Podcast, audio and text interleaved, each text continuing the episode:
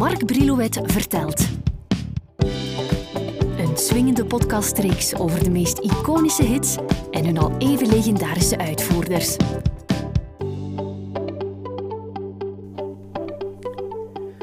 Toen ik begon met platen verzamelen, dat weet ik nog goed, beperkte ik me tijdens de 60s meestal tot singeltjes. Af en toe kocht ik wel eens een LP, zoals Sgt. Pepper's Lonely Hearts Club Band of de soundtrack van een film Once Upon a Time in the West. Dat soort klassiekers.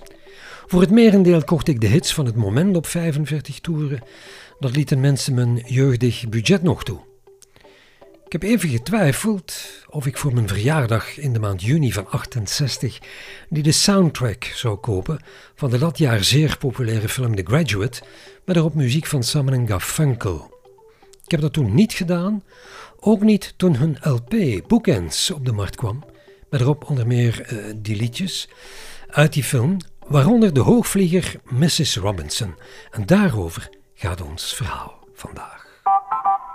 Columbia Records had bij Paul Simon in 67 al eens aangedrongen op een nieuwe langspeler, maar hij was zo druk bezig met optredens en andere projecten dat hij daar even geen tijd voor had.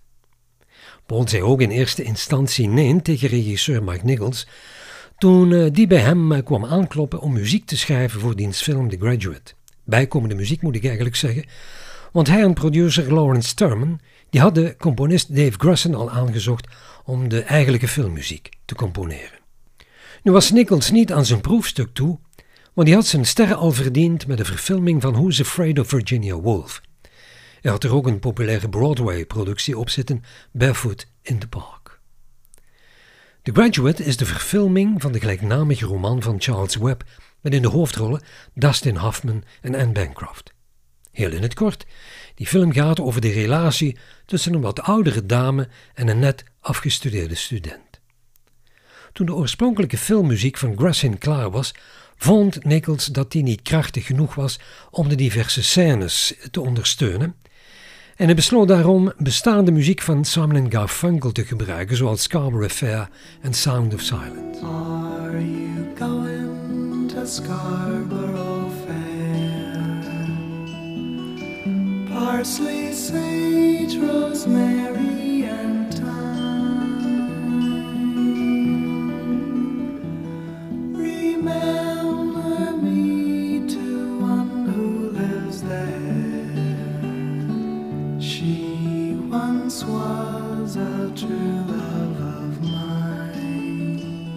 Maar hij wou toch als extraatje nog een aantal originele songs van hen. Hij dus contact zoeken met Paul Simon, maar die wimpelde hem af en uh, gaf toe dat hij trouwens toch geen tijd had om zich daarmee bezig te houden. Maar Nichols die blijft aandringen. Simon die laat hem eerst twee nieuwe liedjes horen, Punky's Dilemma en Overs. Maar Nichols is daarvan niet onder de indruk. Dan laat Simon hem iets later het fragment horen van een liedje waaraan hij bezig is en bedoeld voor zijn volgende LP. Dat probeersel heet Mrs. Roosevelt en moet een eerbetoon worden aan Eleanor Roosevelt, de vrouw van de voormalige president Franklin D. Roosevelt. Nichols is meteen weg van dat liedje.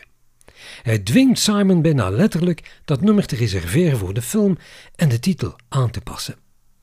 Mrs. Roosevelt wordt voor de gelegenheid Mrs. Robinson.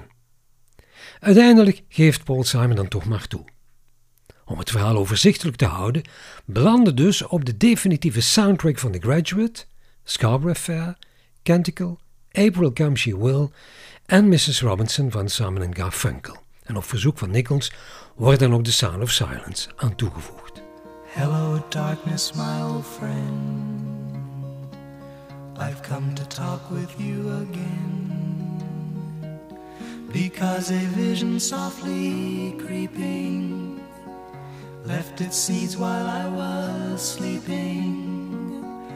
And the vision that was planted in my brain. Voor de opname van de muziek wordt een beroep gedaan op drummer Hal Blaine, bassist Joe Osborne, pianist Larry Nechtel en arrangeur Jimmy Haskell, beter bekend als de Wrecking Crew, de crème de la crème van de studiomuzikanten. Zoals ze eerder al toepaste, wordt zowel de stem van Paul als die van Art gedubt. Eigenlijk hoor je vier stemmen aan het werk. Voor de soundtrack wordt een kortere versie van Mrs. Robinson opgenomen, waarin Paul en Art alleen het refrein zingen. Pas wanneer ze voor een LP Bookends Mrs. Robinson opnieuw opnemen, we zijn dan de 2 februari 68, wordt de tekst afgewerkt en opnieuw ingezongen.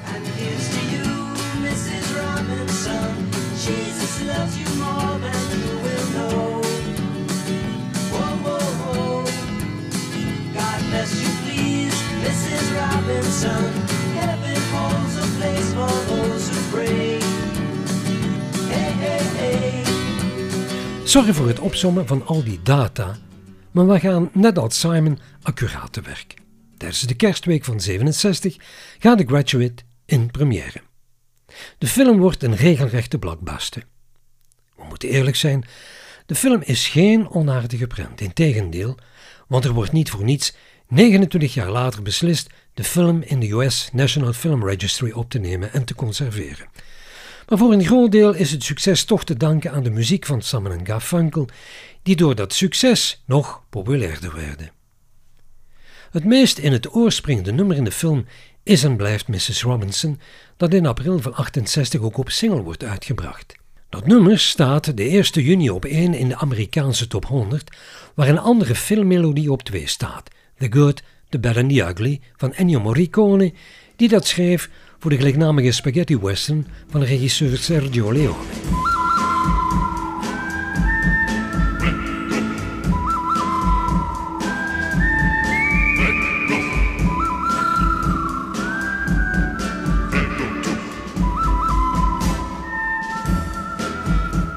Mrs. Robinson wordt in de States voor Simon Garfunkel hun tweede nummer 1 nadat ze daar twee jaar eerder hadden gestaan met The Sound of Silence.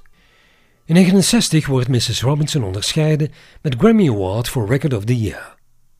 Frank Sinatra is zo weg van de nummer dat hij het ook wil opnemen voor zijn album My Way. Hij laat wel de naam Jesus in de tekst vervangen door Jilly, een eerbetoon aan zijn in 92 overleden boezemvriend Jilly Rizzo, die in de jaren 60 Jilly's Saloon uitbaatte in New York, de favoriete ontmoetingsplaats bij uitstek voor de in die tijd populaire celebrities. And here's to you, Mrs. Robinson. Jilly loves you more than you will know. Whoa, whoa, whoa. Oh, bless you, please, Mrs. Robinson. Heaven holds a place for those who pray. Hey, hey, hey. Maar ik wijk af, sorry. Mrs. Robinson siert ook het nieuwe album van Simon Garfunkel, dat de 3 april van 68 op de markt verschijnt. Dat album heet Bookends. De productie is in handen van Paul en Art samen met Roy Halley. Over een tijdspanne van twee jaar worden de liedjes ingeblikt, te vertalen als we nemen op als we tijdens onze tournee en andere verplichtingen doorgaan, als we daar eens tijd voor hebben. Ze beginnen daarmee in de maand september van 66 en ronden af in de maand februari van 68. Ze hebben dus hun tijd genomen. Vaste stek van opname zijn wel de Columbia Studios B E in New York City.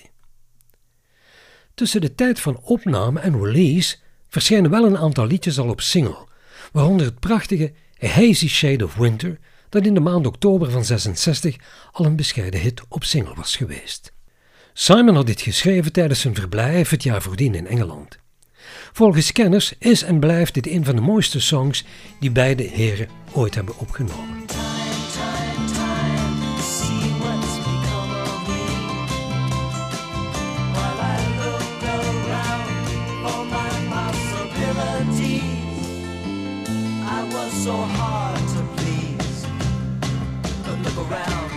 Een van mijn favoriete nummers op Bookends is en blijft uit de Zoo, dat samen oorspronkelijk geschreven had voor de film The Graduate, voor een scène die zich afspeelde in de San Francisco Zoo, maar uiteindelijk in de film niet werd gebruikt. Ook de Zoo zal eerder al op single verschijnen, om uiteindelijk op bookends aan te belanden. Het is begin 67, wanneer dat nummer een hit wordt, dat Simon begint aan het uitwerken van hun vierde studioalbum. Someone told me it's all happening at the zoo. Do believe it. I do believe it's true. Maar hij had al aan zijn platenfirma laten weten dat ze geduld moesten oefenen wat de nieuwe plaat betreft, want hij had te kampen met een soort writersblok. Het vlotte niet zo. Toch dringt platenbaas Clive Davis er bij Simon op aan er werk van te maken en hij vraagt aan producer John Simon, geen familie, om Paul een beetje aan te porren, een beetje te steunen. Vergeten we niet dat Clive er intussen ook al bij Simon had op aangedrongen een liedje of twee drie te componeren voor The Graduate, nadat regisseur Nichols hem de oren van zijn lijf had gezaagd. Er stond dus duidelijk druk op de muzikale ketel. Begin juni 67 stapt Simon dan toch naar de studio voor nieuw materiaal bestemd voor bookends en het wordt de song Faking It. Simon weet nog goed dat ze een ganse nacht spendeerden aan het uitzoeken, het uitpluizen van het juiste evenwicht tussen hun stemmen en de aanwezige strijkers en percussionisten. Door het succes van de soundtrack van The Graduate besloten Simon en Garfunkel de B-kant van Bookends volledig te vullen met liedjes uit de soundtrack. Hun songs dus, niet die van Grussin. Ook de liedjes die uiteindelijk in de film niet werden gebruikt. She stays, she stays here.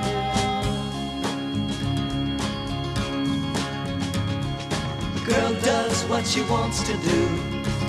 Voorafgaand aan de release van Bookends traden Simon en Garfunkel nog op tijdens het Monterey Pop Festival en wordt Faken It als rode loper op single uitgebracht. De 3 april 68 wordt Bookends te water gelaten. Het album kent een fenomenaal succes. Samen met de soundtrack van The Graduate en het album Bookends worden Simon en Garfunkel gecatapulteerd tot het rockduo van dat moment. Het mag een detail lijken, maar Bookends werd gereleased 24 uur voor de moord op Martin Luther King in Memphis.